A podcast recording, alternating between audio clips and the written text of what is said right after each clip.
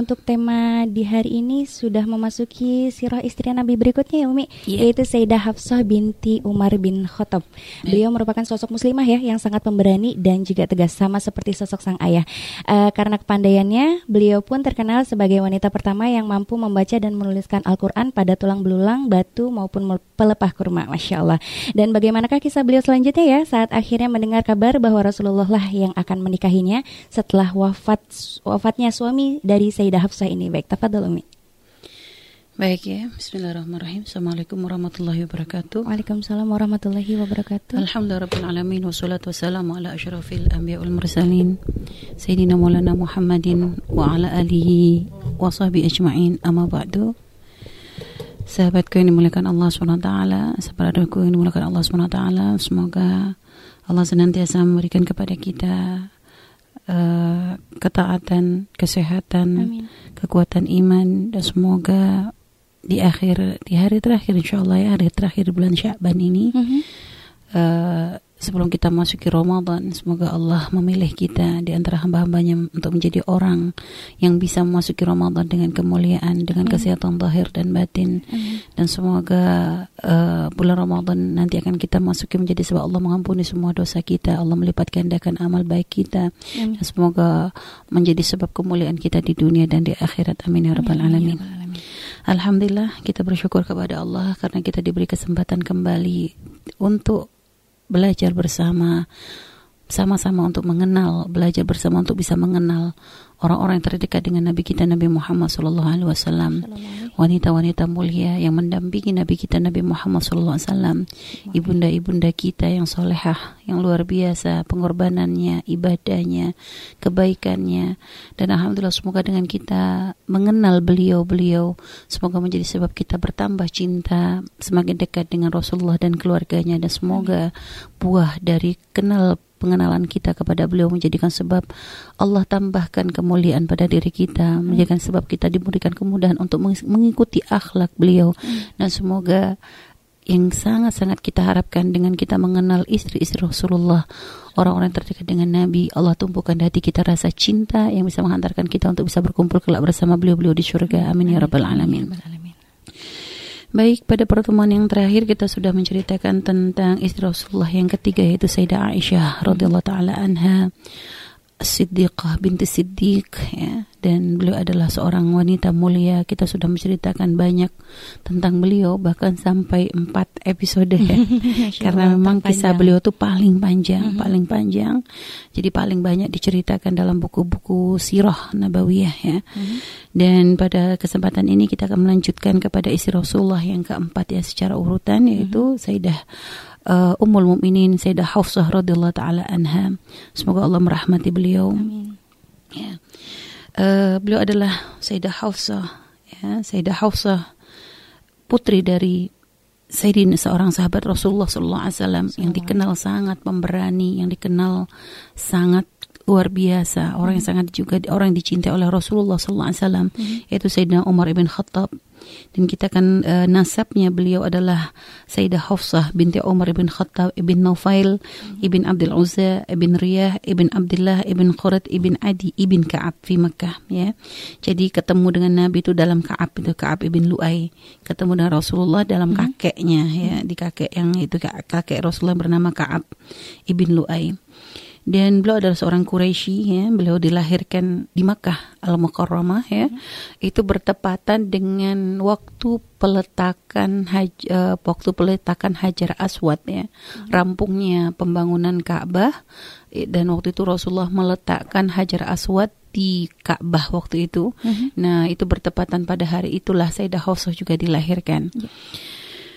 Dan jadi Sayyidah Hafsah itu waktu kelahirannya sama dengan Sayyidah Fatimah Az-Zahra. Mm-hmm. Jadi dalam riwayat yang kuat Sayyidah Fatimah itu dilahirkan itu adalah bertepatan dengan peletakan Hajar Aswad di Ka'bah oleh Nabi kita Nabi Muhammad sallallahu alaihi wasallam. Dan beliau adalah uh, dikenal ya, dikenal sebagai seorang istri Rasulullah yang luar biasa. Ya, beliau juga adalah seorang istri istri Rasulullah yang istimewa. Semua istri Nabi adalah istimewa semua. Kan tapi beliau memang punya kelebihan ya. Dikatakan uh, min khiyarati ummahatil mu'minin ya termasuk istri Rasulullah yang terpilih ya. Artinya dikarenakan beliau itu dikenal bikathratis saum wasolah wal amanah. Mm -hmm. jadi dikenal dengan banyaknya sholat banyak puasa dan juga orang yang sangat amanah dan bahkan beliau terhitung sama dengan Sayyidah Aisyah di antara istri Rasulullah yang menghafal Al-Quran mm-hmm. yaitu Sayyidah Aisyah dan juga Sayyidah Hafsah radhiyallahu taala anhuma mm-hmm. dan juga dikatakan bahwasanya mushaf ya mushaf yang pernah diperintahkan oleh Abu Bakar oleh Sayyidina Abu Bakar As-Siddiq ya ketika setelah terjadinya peperangan itu mm-hmm. uh, pada masa untuk memberantas orang-orang yang murtad banyak sekali orang-orang dari penghafal-penghafal Al-Quran yang meninggal mm-hmm. lalu akhirnya Sayyidina Umar memberikan uh, saran kepada Sayyidina Abu Bakar untuk membukukan Al-Quran mm-hmm. yang sempat ini perka- perkara ini diragu, uh, ragu untuk dilakukan oleh Sayyidina Abu Bakar karena tidak pernah dilakukan oleh Rasulullah. Mm-hmm. Akan tapi Sayyidina Umar memberikan uh, apa penyemangat gitu bahwa ini adalah sangat luar biasa penting sekali yeah. ya sangat manfaat sekali karena dikhawatirkan dengan 70 hufat saat itu yang meninggal mm-hmm. ini sangat mengkhawatirkan bagi uh, bagi umat Islam itu loh. Mm-hmm. Hanya jangan sampai nanti Al-Qur'an terputus sehingga akhirnya akhirnya Allah pun memberikan ilham kepada Sayyidina Umar mm-hmm. untuk memberikan semangat menyemangati Sayyidina Abu Bakar mm-hmm. untuk mengumpulkan Al-Qur'an lalu diperintahkanlah Sayyidina Zaid bin Thabit untuk mengumpulkan Al-Qur'an tersebut dan setelah terkumpul ya yeah. setelah terkumpul ini terkumpulnya bukan di masa Sayyidina Abu Bakar tapi terkumpulnya adalah setelah di masa Sayyidina Umar mm-hmm. karena ini tugas yang sangat berat setelah itu pada masa Sayyidina Umar diletak, disimpan uh, oleh Sayyidina Umar dititipkan kepada putrinya itu Sayyidah Hafsah mm-hmm. sampai akhirnya ketika pada masa Sayyidina Sayyidina Utsman ya pada masa Sayyidina Utsman ada banyak pengumpulan-pengumpulan Al-Qur'an dengan berbagai macam model mm -hmm. sehingga akhirnya oleh Sayyidina Utsman pun meminta kepada Sayyidah Hafsah mm -hmm. naskah yang sudah dikumpulkan mm -hmm. ya mhm. dari apa yang dipesankan oleh ayahnya Sayyidina Umar bin Khattab ya mm -hmm. yang dari Sayyidina Abu Bakar Sayyidina Umar lalu disimpan oleh Sayyidah Hafsah diminta oleh Sayyidina Utsman untuk dijadikan satu supaya mm -hmm. tidak menjadi perpecahan dalam umat. Mm -hmm. Artinya beliau adalah orang yang menghafal apa yang menjaga Al-Qur'an mm -hmm. itu ya dengan dengan amanah dan memang di antara istri-istri Rasulullah Shallallahu Alaihi Wasallam beliau ini termasuk istri Nabi yang bisa membaca dan menulis. Mm -hmm. Yang kelebihan ini tidak banyak dimiliki oleh semua istri yang lain. Mm -hmm. Bahkan dikatakan Sayyidah Aisyah sendiri pun dikatakan tidak mempunyai keahlian ini. Mm -hmm. Tapi beliau pintar bikin syair. Masya Cuma Allah. ya beliau karena memang beliau punya punya keahlian bikin syair itu Sayyidah Aisyah itu karena turun dari ayahnya. Ayahnya mm -hmm. juga adalah seorang yang bisa membuat tulisan. Akan tapi keahlian membaca dan menulis ini tidak semua wanita punya punya saat itu. Iya. Nah, Sayyidah Hafsah ini termasuk di antara orang yang memang memiliki kelebihan tersebut. Mm -hmm. uh, jadi memang kisah beliau ini tidak banyak diceritakan, hanya saja memang dikatakan beliau ini adalah istri Rasulullah yang paling dekat dengan Sayyidah Aisyah. Hmm. Bahkan ya mungkin kalau bahasa kita nih geng ya, hmm. grupnya. Jadi Sayyidah Aisyah ini punya grup di antara istri Rasulullah itu ada grup-grupan hmm. gitu ya. Nah termasuk Sayyidah Hafsah sendiri adalah orang yang sangat dekat dengan Sayyidah Aisyah radhiyallahu taala anha. Mm -hmm. uh, dikatakan suatu hari ya uh, kisah beliau ya kisah beliau pernikahan beliau dengan Rasulullah Shallallahu Alaihi Wasallam.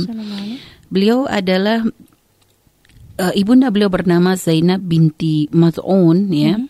dan ayah ibunda beliau ini adalah orang-orang yang muslim ya artinya seorang mus, uh, artinya ayahnya adalah Sayyidina Umar itu adalah seorang sahabat yang dekat dengan Rasulullah jadi memang kalau dari keluarga Sayyidah Hafsah ini benar-benar luar biasa mm -hmm. jadi yang menjadi sahabat Nabi ini bukan hanya ayahnya mm -hmm. tapi ibundanya juga adalah orang yang beriman kepada Allah dan Rasulnya mm-hmm. setelah oh. itu beliau punya paman dari sebelah ibundanya juga mm -hmm. itu adalah orang-orang yang ya termasuk sahabat min akabir sahabat mm -hmm. bahkan termasuk mereka adalah orang yang ikut dalam perang Badar. Mm -hmm. Jadi ada tiga paman dari Sayyidah Hafsah dari ibundanya yeah. ya uh, Ibn Mas'un yaitu ada tiga orang dari paman Sayyidah uh, Sayyidah Hafsah mm -hmm. yang mereka semua adalah orang-orang yang ikut dalam perang Badar. Yeah. Bahkan dikatakan suami beliau sendiri pun Hunais ibn Hudzafa. Mm -hmm. Jadi Sayyidah Hafsah ini pernah menikah dengan seorang laki-laki yang bernama Hunais ibn Hudzafa Asy-Syahmi. Hunes ibn Hudhafa Asyahmi ini adalah termasuk sahabat yang juga berhijrah ke Habasyah. Jadi termasuk min akabir sahabat termasuk sahabat-sahabat di awal mula Islam. Mm-hmm. Ya, di awal mula Islam termasuk sahabat yang ikut hijrah ke Habasyah, setelah itu bahkan ikut hijrah juga ke Madinah dari Habasyah hijrah ke Madinah. Mm-hmm. Ya, setelah hijrah ke Madinah bahkan beliau juga ikut untuk berperang Badar, ikut dalam perang Badar.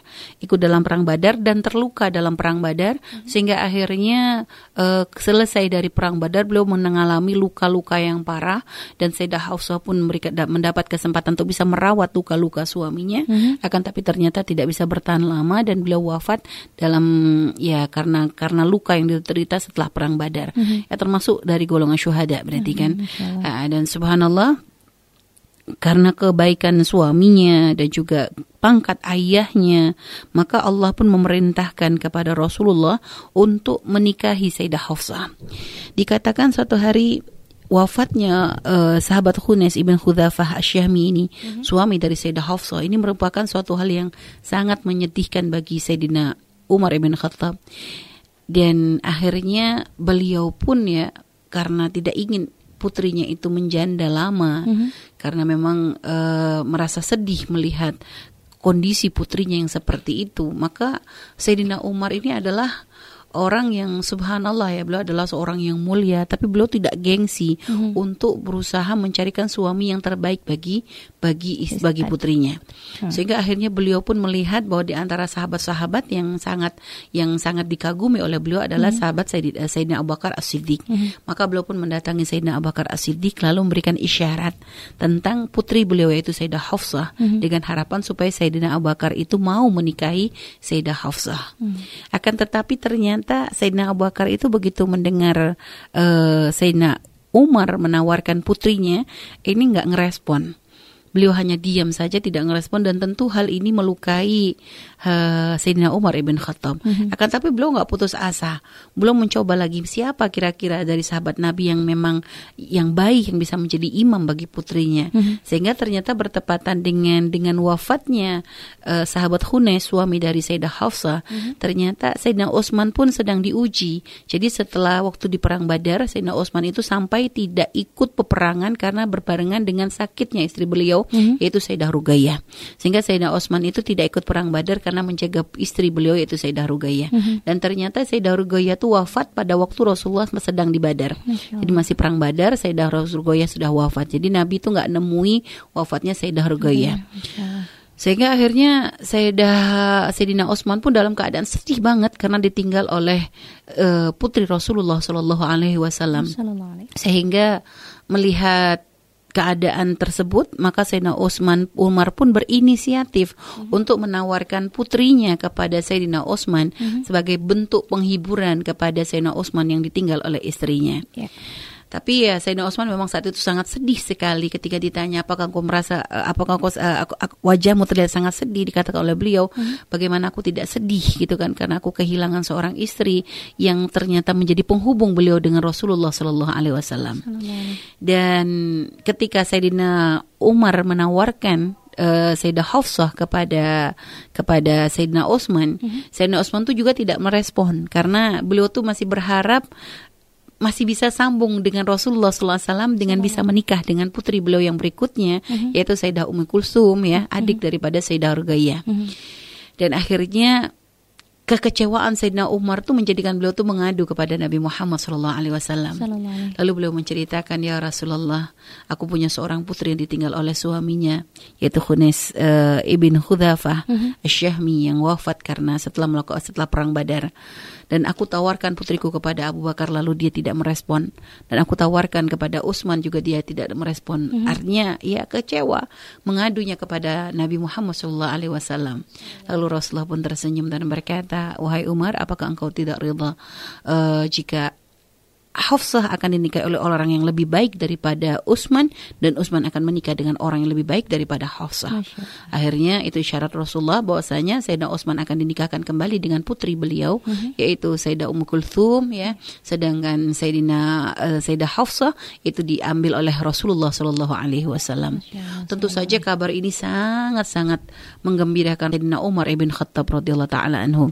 Belum merasa sangat bersyukur akan hal ini, merasa sangat terharu uh, dan akhirnya ketika mendengar kabar bahwa Rasulullah akan menikahi putri beliau mm-hmm. ketika beliau bertemu dengan Sayyidina Abu Bakar maka Sayyidina Umar tuh saking senangnya mm-hmm. menceritakan hal tersebut kepada Sayyidina Abu Bakar lalu Sayyidina Abu Bakar berkata wahai Umar apakah engkau tahu kenapa ketika engkau menawarkan putrimu kepadaku aku tidak merespon mm-hmm. aku diam saja kenapa kata Sayyidina Umar karena sebelum itu aku mendengar Rasulullah menyebut Sayyidah tentang Hafsah mm-hmm. dan aku tidak ingin membuka rahasia Rasulullah Sallallahu Alaihi Wasallam dan aku pun tidak akan mendahului siapa pun yang sudah disebut oleh Rasulullah. Ini adalah suatu isyarat sehingga makanya aku tidak merespon apa yang kau sebutkan. Padahal kalau seandainya aku tidak mendengar Rasulullah menyebut, mm-hmm. maka sungguh aku akan sangat bersyukur sekali, akan sangat mau untuk mm-hmm. bisa menikahi Sayyidah Hafsah. Jadi pernikahan dalam Islam ini luar biasa. Ya mereka bukan masalah cinta dulu harus senang dulu harus bagaimana. Mm-hmm. Dilihat ini dari ini adalah putri dari seorang lelaki mulia itu Sayyidina Umar ibn Khattab mm-hmm. sehingga Sayyidina Abu Bakar pun sangat senang untuk bisa sambung mm-hmm. akan tapi karena memang Rasulullah sudah memberikan isyarat seperti itu maka mm-hmm. Sayyidina Umar Sayyidina Abu Bakar sebagai orang yang paling mengerti Nabi Muhammad SAW mm-hmm. orang yang paling dekat dengan Rasulullah SAW mm-hmm. murid yang paling luar biasa bagi Rasulullah maka beliau tuh sangat-sangat tanggap dengan apa yang disampaikan oleh Nabi mm-hmm. maka tidak ingin sul adab dengan mendahului Rasulullah SAW baik itulah orang-orang mulia yang bersama Nabi Muhammad SAW jadi mereka bukan hanya orang yang sekedar ikut berperang berjuang maka mereka adalah orang yang sangat beradab kepada. Rasulullah Shallallahu Alaihi Wasallam. Baik, jadi uh, itu kisah awal ya sehingga akhirnya menikahlah Sayyidah Hafsah dengan dengan dengan Rasulullah Shallallahu Alaihi Wasallam. Dan pernikahan ini adalah juga cara atau hikmah di balik pernikahan Sayyidah Hafsah dan dan dan Rasulullah SAW ini adalah juga untuk cara Allah untuk mengangkat derajat uh, sahabat Rasulullah yang luar biasa yaitu Sayyidina Umar ibn Khattab. Hmm. Dikatakan uh, sifat dari Sayyidina Sayyidah Hafsah ini seperti ayahnya. Mm-hmm. Jadi beliau tuh adalah orang seorang wanita yang punya kepribadian yang kuat mm-hmm. dan juga pemberani, ucapannya juga tegas gitu ya. ya. Sampai dikatakan oleh Sayyidah Sayyidah Sayyidah uh, apa oleh Sayyidah Aisyah sendiri mm-hmm. ya mhm. bahwasanya Sayyidah Hafsah itu adalah uh, orang yang sangat mirip banget maksudnya uh, gaya berbicaranya mm-hmm. pelakunya tuh dengan Sayyidina Umar bin Khattab mm-hmm. jadi sangat tegas pemberani dan uh, tidak banyak ya diceritakan kisah tentang beliau perjalanan hidup dan atau, atau apa pun. Hanya memang uh, itu tadi ya yang banyak tentang kelebihan beliau itu adalah beliau adalah seorang sawama kawama mm-hmm. itu orang yang memang banyak ahli sholat ahli ahli puasa. Dan juga beliau itu pernah meriwayatkan 60 hadis Nabi dari Nabi Muhammad Shallallahu Alaihi Wasallam. Jadi di antara istri Nabi yang meriwayatkan hadis itu adalah selain Sayyidah Isa adalah Sayyidah Hafsah. Mm-hmm. beliau meriwayatkan sekitar 60 hadis dari Nabi kita Nabi Muhammad Shallallahu Alaihi Wasallam. Hanya memang ada beberapa ada kisah ya tentang peristiwa yang memang sampai diabadikan di dalam Al-Qur'an. Mm -hmm ini insahal insahal kabar ya artinya memang ada banyak ada banyak perbedaan uh-huh. tentang kisah yang sampai menjadikan uh, Rasulullah itu ada sampai riwayat mengatakan bahwa Rasulullah itu menceraikan uh-huh. Sayyidah Hafsah uh-huh. ada yang mengatakan tidak sampai menceraikan tapi Rasulullah hamma artinya sudah punya keinginan uh-huh. untuk menceraikan Sayyidah Hafsah uh-huh. diceritakan bahwa suatu hari uh, bahwa suatu hari Rasulullah itu sedang berada di rumahnya Sayyidah Hafsah mm-hmm. radhiyallahu taala anha, ternyata pada waktu itu Sayyidah Hafsah itu tidak ada di rumah, yeah. beliau sedang berada di rumah ayahnya. Mm-hmm. Dan ternyata Sayyidah Maria Al-Qibtiyah ini pada waktu itu punya keperluan dengan Rasulullah sehingga mm-hmm. beliau tuh mencari Rasulullah dan ketemunya adalah di rumah Sayyidah Hafsah. Mm-hmm. Sehingga akhirnya Rasulullah dengan Sayyidah Hafsah pun uh, berada di dalam di rumah Sayyidah uh, Rasulullah dan Sayyidah Maria Qibtiyah pun berada di rumah Sayyidah Hafsah mm-hmm. ya. Uh, dan ketika akhirnya Sayyidah Hafsah itu pulang ya mm -hmm. ke rumahnya, beliau sangat kaget ternyata melihat Rasulullah sedang bersama budak beliau yaitu Sria beliau itu Sayyidah Maria Al-Qibtiyah. Mm -hmm. Dan Sayyidah Maria walaupun adalah seorang Buddha tapi beliau adalah orang yang halal untuk Nabi Muhammad Shallallahu Alaihi Wasallam.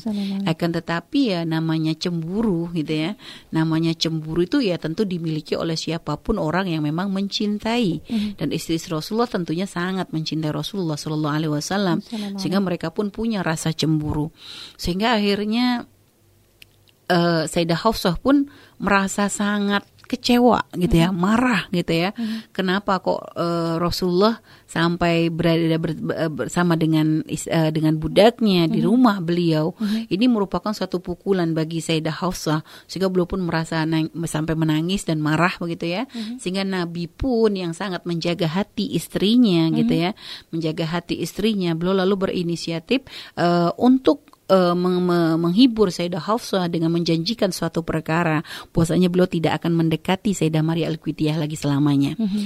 Sehingga akan tapi Nabi meminta kepada Sayyidah Hafsah adalah untuk menjaga rahasia ini. Mm -hmm. Jadi untuk menjaga rahasia tersebut ya sehingga akhirnya uh, Maria Sayyidah Maria Al-Qibtiyah pun merasa tenang dengan janji Nabi Muhammad. Masa terhibur. Hmm. Nabi nggak akan dekat-dekat lagi dengan Sayyidah Maria Kiptia karena memang uh, ya namanya cemburu gitu ya. Hmm. Nabi sendiri pernah menggambarkan kecemburuannya Sayyidah Aisyah itu. Sayyidah Aisyah sendiri ketika pernah suatu hari cemburu hmm. dan waktu itu Sayyidina Abu Bakar marah gitu kan. Beliau mengatakan bahwa kalau orang sudah cemburu itu tidak bisa dibedakan mana lembah yang tinggi. Maksudnya antara paling rendahnya lembah sama tempat tinggi itu. Artinya ya begitulah kalau orang sudah cemburu tuh kadang akal menjadi menjadi apa ya menjadi uh, blank gitu ya. Mm -hmm. Jadi artinya sudah tidak lagi bisa berpikir dengan baik ya cemburu gitu ya. Yeah. Dan bukan suatu hal yang salah kecemburuan dari istri Nabi Muhammad SAW. Hanya akhirnya Sayyidah uh, Sayyidah Aisyah ini, Sayyidah Hafsah ini kan adalah orang yang dekat dengan Sayyidah Aisyah. Mm-hmm. Jadi nggak bisa kalau ada rahasia apalagi urusan Nabi itu nggak bisa disimpan sendiri. Mm-hmm. Sehingga akhirnya beliau pun menceritakan kepada Sayyidah Aisyah bahwasanya Nabi itu udah janji bahwasanya Nabi itu nggak akan deketin Sayyidah Maria Kiptiah lagi. Mm-hmm. Sehingga akhirnya ternyata subhanallah Allah yang Maha tahu sesuatu yang tidak dilakukan di hadapan Nabi akan tapi pun Allah memberitahukan kepada Rasulullah SAW sehingga turunlah surat uh, turunlah ayat ya dari uh, dalam surat At-Tahrim ya. Ayat satu di situ Allah uh, berfirman kepada Nabi Muhammad SAW, "Ya ayuhan nabi, lima tuharrimu ma ahallallahu lak, tabtaghi mardata azwajik wallahu ghafurur rahim." Ya ini ada dua kisah ya. Ada dua kisah yang dikatakan bahwa ini kisah tentang uh, dalam dalam dalam firman Allah ini ada perbedaan pendapat. Ada mengatakan bahwa ini adalah kisah tentang pengharaman Sayyidah Maria Al-Qibtiyah uh -huh. tapi ada lagi yang mengatakan bahwa kisah ini adalah pengharaman madu Hmm. Jadi pernah uh, jadi ada riwayat lain ya, jadi ada khilaf di sini. Ada riwayat lain menceritakan bahwasanya Rasulullah tuh senang banget ama minum madu yang ada di rumah Sayyidah Zainab binti Jahash. Hmm. Dan Nabi itu sering cerita gitu ya di hadapan Sayyidah Hafsah, di hadapan Sayyidah Aisyah. Hmm. Akhirnya Sayyidah Hafsah dan Sayyidah Aisyah ini sepakat gimana caranya. Jadi cuma dengar begitu pun cemburu juga gitu ya. Cemburu juga. Uh, apa? Dan memang kalau Sayyidah Aisyah itu ya karena memang seperti yang disampaikan sampaikan pada cerita yang pada kesempatan yang lalu gitu ya. Mm-hmm. Puasanya karena Nabi ini adalah lelaki pertama bagi beliau sehingga memang Sayyidah Aisyah tuh memang istri Nabi yang paling kuat cemburunya. Mm-hmm.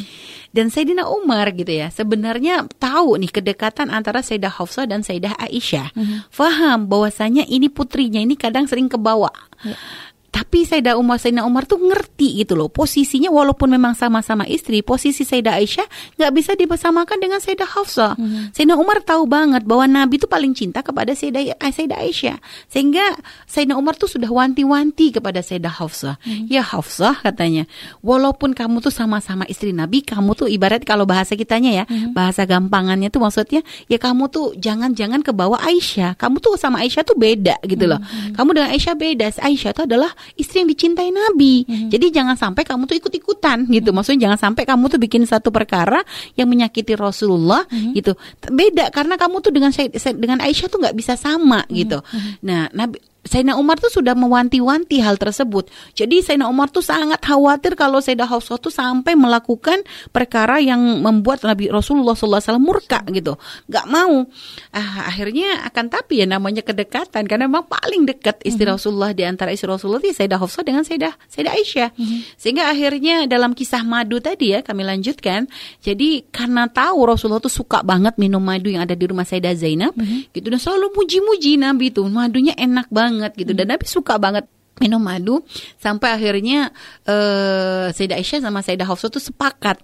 Ketika Nabi bersama mereka mereka tuh pura-pura mencium sesuatu yang berbeda dari Rasulullah. Rasulullah engkau tuh makan apa ya? Kalau di Islam magafir atau apa gitu ya istilahnya bahasa Arabnya itu. Mm -hmm uh, kayak bukan itu sih bukan bukan madu tapi minuman kayak getah kayak ada bau getah atau apa gitu loh enggak kata Nabi aku tuh minum madu tapi enggak bau dari mulutmu enggak begitu gitu loh jadi sepakat Sayyidah Aisyah Sayyidah Hafsah ya mungkin kalau satu orang Rasulullah masih nih dua orang akhirnya Rasulullah pun merasa uh, jangan-jangan benar ada aroma akhirnya Nabi itu sampai bersumpah tidak akan minum madu itu selamanya hmm. jadi ada perbedaan ada di antara ulama ini kisah tentang tentang uh, pengharaman Sayyidah Maria Al-Qibtiyah hmm. atau pengharaman Rasulullah kepada madu gitu ya hmm. yeah. kepada madu yang yang yang halal gitu ya maka di situ Allah berfirman Ya ayuhan nabi lima tuharrimu ma ahallallahu lak tabtaghi mardata azwajik wallahu ghafurur rahim.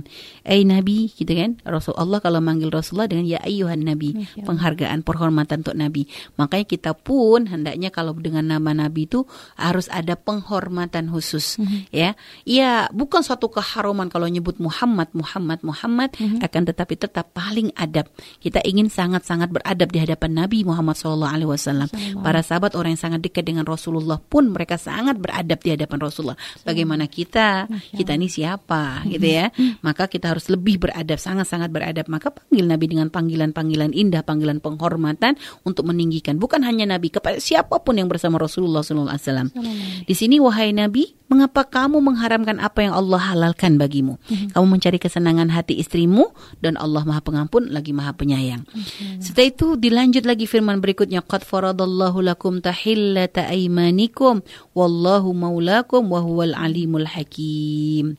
Ya, di sini Allah telah merintahkan, sungguhnya Allah telah mewajibkan kepadamu untuk membebaskan diri dari sumpahmu. Hmm.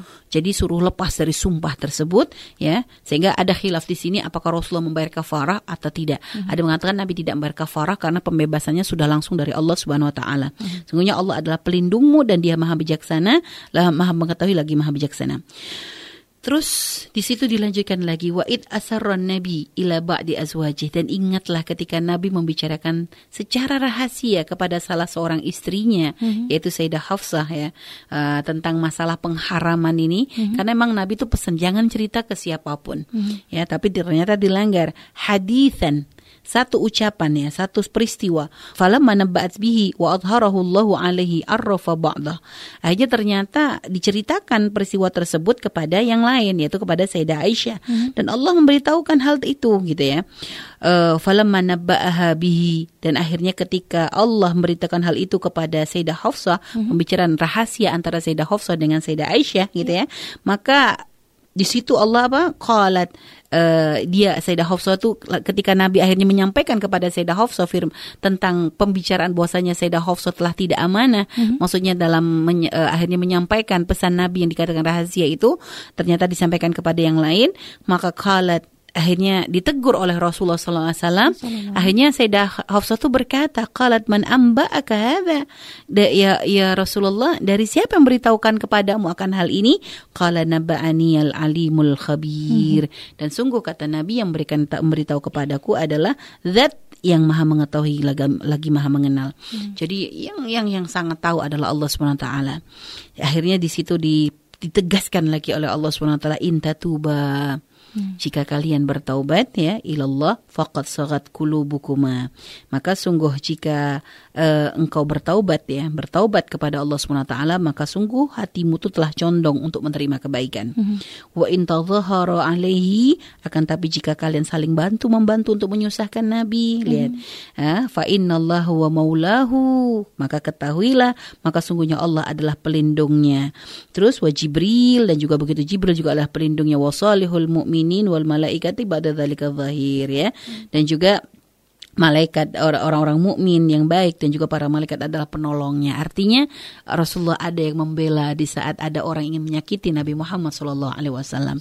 Ini penegasan ya untuk penegasan dan bahkan sampai dikatakan dalam firman yang lain bahwasanya apakah engkau mengira Nabi Allah tidak bisa memberikan kepada Nabi itu istri-istri yang lain hmm. gitu ya. Hmm. Sampai ditegaskan seperti itu bentuk uh, pendidikan yang Allah berikan bukan hanya kepada Nabi tapi juga kepada siapa pun bersama Rasulullah Shallallahu Alaihi Wasallam. Jadi eh, ayat-ayat ini bukan berarti kecaman atau cara Allah merendahkan istri Nabi tidak, akan tapi di sini ditunjukkan begitu perhatiannya Allah hmm. kepada semua yang bersama Rasulullah Shallallahu Alaihi Wasallam.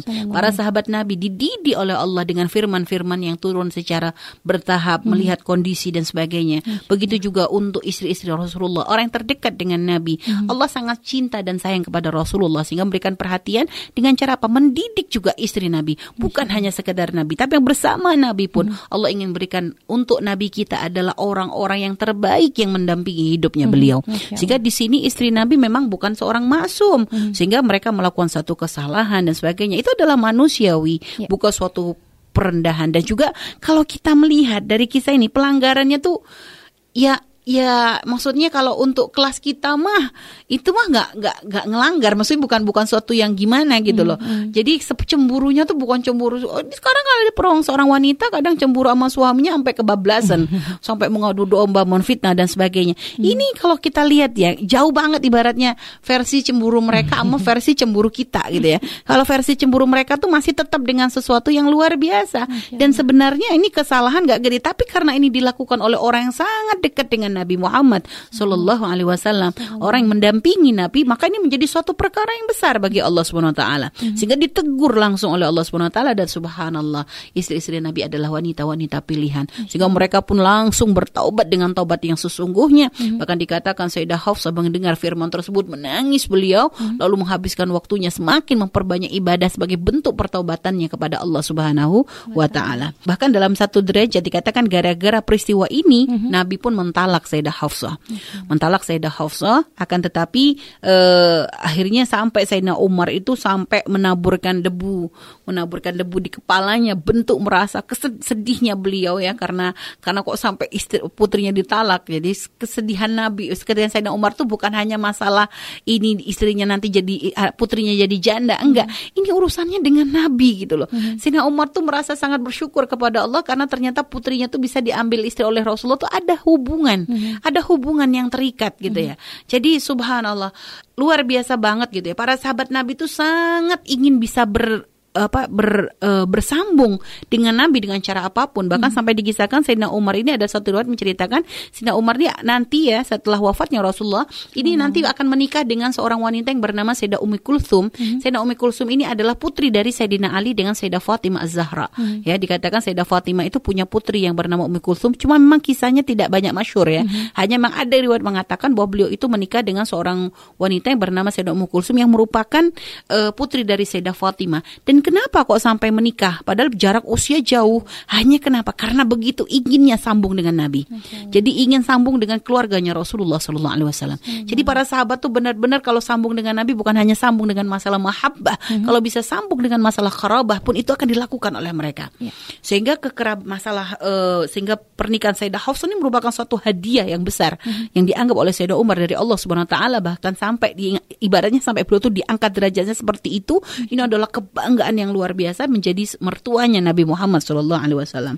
Sehingga makanya uh, dikatakan gitu ya sampai begitu mendengar mendengar kisah tentang Sayyidah Hafsah ini mm-hmm. sampai Sayyidina Umar tuh begitu gregetnya dengan Sayyidah Hafsah saking begitu cintanya dengan Nabi beliau berkata wa aqsam beliau tuh sampai bersumpah lau anna lau amara Rasulullah bidarbi unuki Hafsah la faal kalau sampai Nabi perintahkan Sayyidina Umar tuh untuk menggal lehernya Hafsah kalau dianggap ini sebagai suatu kesalahan yang gede mm-hmm. sampai bikin Nabi marah sampai bikin Nabi kecewa sampai ditegur langsung oleh Allah Subhanahu wa taala mm-hmm kalau memang sampai memang harus memotong lehernya, memenggal lehernya Sayyidina Hafsah pun akan dilakukan oleh Sayyidina Umar. Hmm. Artinya beliau tidak memandang lagi ini putri, tapi siapa pun yang menyakiti Nabi, hmm. maka menyakiti hati beliau. Hmm. Subhanallah, begitu gedenya cintanya. Hmm. Maka karena inilah akhirnya Allah menurun memerintahkan kepada malaikat Jibril untuk menyampaikan kepada Rasulullah Shallallahu Alaihi Wasallam bahwasanya Allah merintahkan malaikat Rasulullah untuk men, tidak apa merujuk kembali Sayyidah Hafsah. Hmm. Jadi katakan ditalak satu lalu dirujuk kembali oleh Nabi Muhammad Muhammad. Kenapa? Sebagai bentuk kasih sayang Allah kepada Sayyidina Umar.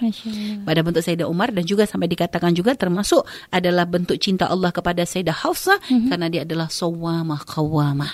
Jadi dia adalah orang yang ahli salat, orang yang ahli berpuasa. Allah mendatangkan kepada malaikat Jibril mm-hmm. untuk merintahkan Rasulullah untuk merujuk kembali Sayyidah Hafsah. Mm-hmm. Jadi ini adalah kisah. Nah, ternyata gitu ya setelah selesai dari kasus ini, Sayyidina Umar dan dan ketika Sayyidah Hafsah sudah dirujuk kembali, mm-hmm. ini Sayyidina, Sayyidina Umar merasa sangat bersyukur sehingga tambah diwanti-wanti. Sudah kamu tuh jangan macem-macem mm-hmm. lagi ya gitu ibaratnya ya. Sudah jangan macem-macem lagi, jangan kamu tuh ke bawah sama Aisyah gitu ya. Mm-hmm. Pokoknya kamu tuh beda mm-hmm. gitu kan. Udah dipesenin lagi, pokoknya jangan sampai nyakitin Nabi. Mm-hmm. Dan ternyata subhanallah terjadi lagi kisah ya yang juga sama waktu itu kemarin Umi sudah sempat ceritakan tentang tentang bagaimana istri Rasul Rasulullah ya waktu itu Sayyidina Umar itu dengar kabar. Mm-hmm. Jadi beliau itu tinggal ke punya teman adalah orang yang tinggalnya itu dekat dengan rumah Rasulullah. Mm-hmm. Tiba-tiba dapat kabar dari temannya bahwa Rasulullah menceraikan semua istrinya. Mm-hmm itu Sayyidina Umar terpukul lagi. ya, Sayyidina Umar merasa sangat terpukul lagi. Ya Allah. Berarti kan ada anaknya di situ kan. yang ada putri beliau Sayyidina Hafsah marah lagi beliau sampai dikatakan Sayyidina Umar sama Sayyidina Abu Bakar tuh sama-sama datang kepada putri-putrinya tuh pengen gebukin putrinya tuh gara-gara bikin pegel Nabi Muhammad Shallallahu alaihi wasallam. Sampai akhirnya waktu itu ngelihat uh, Rasulullah itu dengan dengan lagi berkumpul ya bersama keluarga beliau mm-hmm. gitu mhm. kan saat itu Rasulullah tuh wajahnya tuh lagi nggak enak gitu ya mm-hmm. akhirnya uh, Sayyidina Umar tuh pengen memecahkan percakapan ngomong ya Rasulullah katanya kan uh, aku tuh punya istri katanya kata mm-hmm. Sayyidina Umar maksudnya cerita nih supaya untuk me, me, me apa me, mengurailah ketegangan yang ada di situ. Mm-hmm. Aku punya istri kok bisa-bisanya dia tuh nuntut nafkah kepadaku gitu kan. Mm-hmm. Saya Umar tuh gak sengaja ngomong begitu. Mm-hmm. Tiba-tiba Rasulullah begitu berkata, "Wa innahunna la fa'alna," kata Nabi. Ini mereka nih baru aja minta nafkah kepadaku kata. Itu Sayyidina Umar marah langsung mendatangi putrinya tuh sampai ditampar oleh Sayyidina Umar karena begitu kok teganya kamu tuh minta nafkah sama Nabi gitu loh. Mm-hmm. Jadi lihat kebayang ya, kalau orang tua sekarang anaknya malah dituntut untuk minta minta nafkah sama hmm. suaminya. Hmm. Tapi ini Sayyidina Umar, Sayyidina Abu Bakar ini malah marah banget di saat putrinya itu kok bisa-bisanya minta nafkah sama Rasulullah. Hmm. Jadi malah ditampar itu sama orang tuanya sama Sayyidina Abu Bakar juga Sayyidina Umar. Ini putri-putrinya ini malah marah banget kok tega sama Rasulullah seperti itu. Sehingga memang kejadian ini memang menimbulkan kekecewaan di hati Nabi sampai Nabi pun meninggalkan istri-istrinya selama satu bulan ya, ya selama satu bulan dan ini ini adalah tarbiyah. Padahal sebenarnya Nabi itu kalau urusannya seperti yang disampaikan ya pada pertemuan lalu, kalau urusannya ini adalah umat yang meminta nafkah, ada seorang -hmm. istri minta nafkah kepada suami, mm -hmm. ini adalah suatu hak. Yeah. Haknya istri adalah minta nafkah. Mm -hmm. Tapi kalau untuk istri Nabi lain, mereka ini uh, lastunna ka ahad minan nisa kata Allah. Kalian tuh nggak sama dengan wanita yang lain, hmm. beda. Siapa yang menjadi pendamping mereka ini? Hmm. Siapa pendamping mereka? Ada paling mulianya manusia, paling dicintai manusia paling dicintai oleh Allah Subhanahu wa taala. Jadi urusan mereka ini beda, nggak sama. Kalau perempuan lain minta nafkah itu adalah suatu perkara biasa. Tapi kalau untuk istri Nabi nggak bisa. Mereka bukan wanita biasa. Mereka adalah wanita luar biasa yang mendampingi paling mulianya manusia. Hmm. Sehingga harus menjadi istri-istri yang luar biasa. Ini kan dikasih pilih pilihan oleh Allah, ya. siapa yang dipilih dan semua istri Nabi adalah memilih Allah dan Rasulnya. Subhanallah. Nah itulah, itu adalah kisah sekilas ya tentang tentang tentang Sayyidah Hafsah ya dan tidak banyak diceritakan tentang beliau ini hanya saja memang kisah besar yang terjadi pada diri beliau ini adalah dua kisah besar setelah wafatnya Rasulullah mm-hmm. yaitu ketika uh, mushaf yang di tangan beliau itu diminta oleh Sayyidina Utsman ibn Affan mm-hmm. untuk di apa namanya untuk uh, dijadikan satu gitu ya mm-hmm. jadi mushaf Utsmaniyah itu ya mm-hmm. jadi dijadikan supaya tidak terlalu banyak perbedaan membingungkan sehingga mushaf yang lain dibakar mm-hmm. kecuali mushaf mushaf yang yang ada pada Sayyidah Hafsah itu hmm. itu yang akhirnya memang dijaga itu untuk menjadi mushaf yang menjadi pegangan umat Islam sampai saat ini. Dan juga e, peristiwa lain yang terjadi berkaitan dengan perang Jamal hmm. gitu ya. Dalam perang Jamal itu dikatakan e, bahwasanya pada waktu perang Jamal itu karena kedekatan Sayyidah Hafsah dengan Sayyidah Aisyah sehingga beliau ini termasuk orang yang sangat mendukung kepada langkah-langkah Sayyidah Aisyah mm-hmm. sampai dikatakan beliau itu bahkan hampir saja beliau juga ikut keluar bersama Sayyidah Aisyah dalam perang Jamal tersebut mm-hmm. hanya akhirnya dilarang oleh saudaranya sehingga dilarang oleh saudara lelakinya yaitu mm-hmm. Sayyidina Abdullah kalau tidak salah mm-hmm. sehingga akhirnya beliau itu tidak jadi untuk apa namanya untuk ikut bersama Sayyidah Aisyah akan tetapi beliau adalah orang yang sangat mendukung mendukung uh-huh. uh, Sayyidah Aisyah uh-huh. gitu ya dalam dalam langkah-langkah beliau untuk dalam masalah kepolitikan begitu. Uh-huh. Karena memang kedekatannya dan pengetahuan beliau bahwasanya memang Sayyidah Aisyah adalah seorang yang luar biasa. Uh-huh. Dan itu adalah kisah ya dan sedangkan wafatnya beliau itu memang tidak diceritakan juga secara panjang lebar ya hanya saja beliau itu wafat pada saat waktu 41 Hijriah. Mm -hmm. Jadi memang beliau menemani Nabi itu nggak lama. Istri-istri Nabi itu yang paling lama bersama beliau adalah Sayyidah Khadijah. Mm -hmm. Sedangkan yang lainnya hanya mungkin memiliki masa bersama Nabi itu ada yang cuma 8 tahun. Mm -hmm. Nah, termasuk Sayyidah Hafsah ini termasuk hanya sekitar 8, 8 tahun saja bersama mm -hmm. Nabi. Ya setelah itu istri-istri Rasulullah diharamkan untuk dinikahi oleh yang lain-lainnya. Mm -hmm. Sehingga memang mereka para ummahatul mukminin ini memang menjadi wanita-wanita yang dijaga oleh oleh di masa pemerintahan setelah Rasulullah uh, di masa setelah Rasulullah SAW. Ya. Jadi dari setelah masa Sayyidina Abu Bakar, Sayyidina Umar dan juga berikut berikutnya uh-huh. istri-istri Rasulullah itu memang menjadi ibarat tuh apa ya uh, menjadi menjadi panutan, uh-huh. menjadi karena memang yang tertinggal dari Nabi itu uh, tidak tidak tidak banyak. Bahkan Sayyidah Fatimah sendiri pun wafat setelah Nabi hanya enam bulan uh-huh. setelah wafat Nabi. Nah istri-istri Rasulullah ini ya akhirnya memang menjadi orang yang sangat dimuliakan dan dihormati mm-hmm. oleh para oleh para khalifah gitu ya, yeah. oleh para khalifah dan para pemimpin setelah itu gitu kan e, memang mereka menjadi panutan, menjadi tempat mereka mendapat mencari nasihat dan sebagainya mm-hmm. karena mereka adalah orang yang dekat dengan Nabi maka itu menjadi pegangan lah ibaratnya. Yeah. Dan beliau pun dimakamkan di Baki gitu ya dan yang turun di kuburan beliau adalah saudara beliau yaitu Sayyidina Abdullah dan juga Sayyidina Asim. Mm-hmm. Asim itu adalah uh, saudara beliau ya. Dan adapun kalau saudara-saudara beliau itu ada banyak perbedaan juga. Ada mengatakan saudara beliau itu yang kandung, yang kandung itu yang benar-benar dari seayah seibu. Mm -hmm. Itu adalah Sayyidina Abdullah ya. Abdullah yang paling masyur adalah Sayyidina Abdullah ibn Umar. Lalu setelah itu ada lagi Sayyidina Abdurrahman. Dikatakan putra putranya Sayyidina Umar itu yang bernama Abdurrahman tuh ada tiga. Mm -hmm. Sampai akhirnya ada yang dikasih nama Abdurrahman Al-Akbar mm -hmm. gitu ya. Biasanya kalau orang Arab tuh ada Abdurrahman Al Al-Ausat, ada Al-Hulal Al-Asghar. Mm-hmm. Sama seperti uh, putranya Sayyidina Hussein mm-hmm. itu kan, ada Ali Al-Akbar, ada Ali Al-Ausat, ada Ali Al-Asghar. Itu mm-hmm. biasa emang begitu. Jadi mm-hmm. mereka nama tuh nggak neko-neko kalau orang Arab tuh ya. Mm-hmm. Yang bikin ribet tuh namanya orang Indonesia tuh panjang-panjang. Jadi kalau namanya orang Arab tuh ya biasa paling hanya dikasih tanda ya Abdurrahman, mm-hmm. Abu Abu Bakar, mm-hmm. Ab, Ab, Abdullah. Jadi ya namanya begitu-begitu gitu loh. Mm-hmm. Dan juga beliau dikatakan punya saudara perempuan bernama Fatimah ya. Fatimah akan tapi tidak tidak ada kisah khusus tidak pernah diceritakan secara khusus tentang tentang saudari beliau ini dalam kitab apa pun gitu ya. Mm-hmm. Jadi memang dan ada lagi yang bernama Asim ya. Asim ini sendiri ini adalah yang pernah mungkin kita kenal kisah tentang saudara beliau bernama Asim ini adalah yang akhirnya dinikahkan oleh Sayyidina Umar bin Khattab mhm. -huh. dengan seorang wanita yang jujur ya.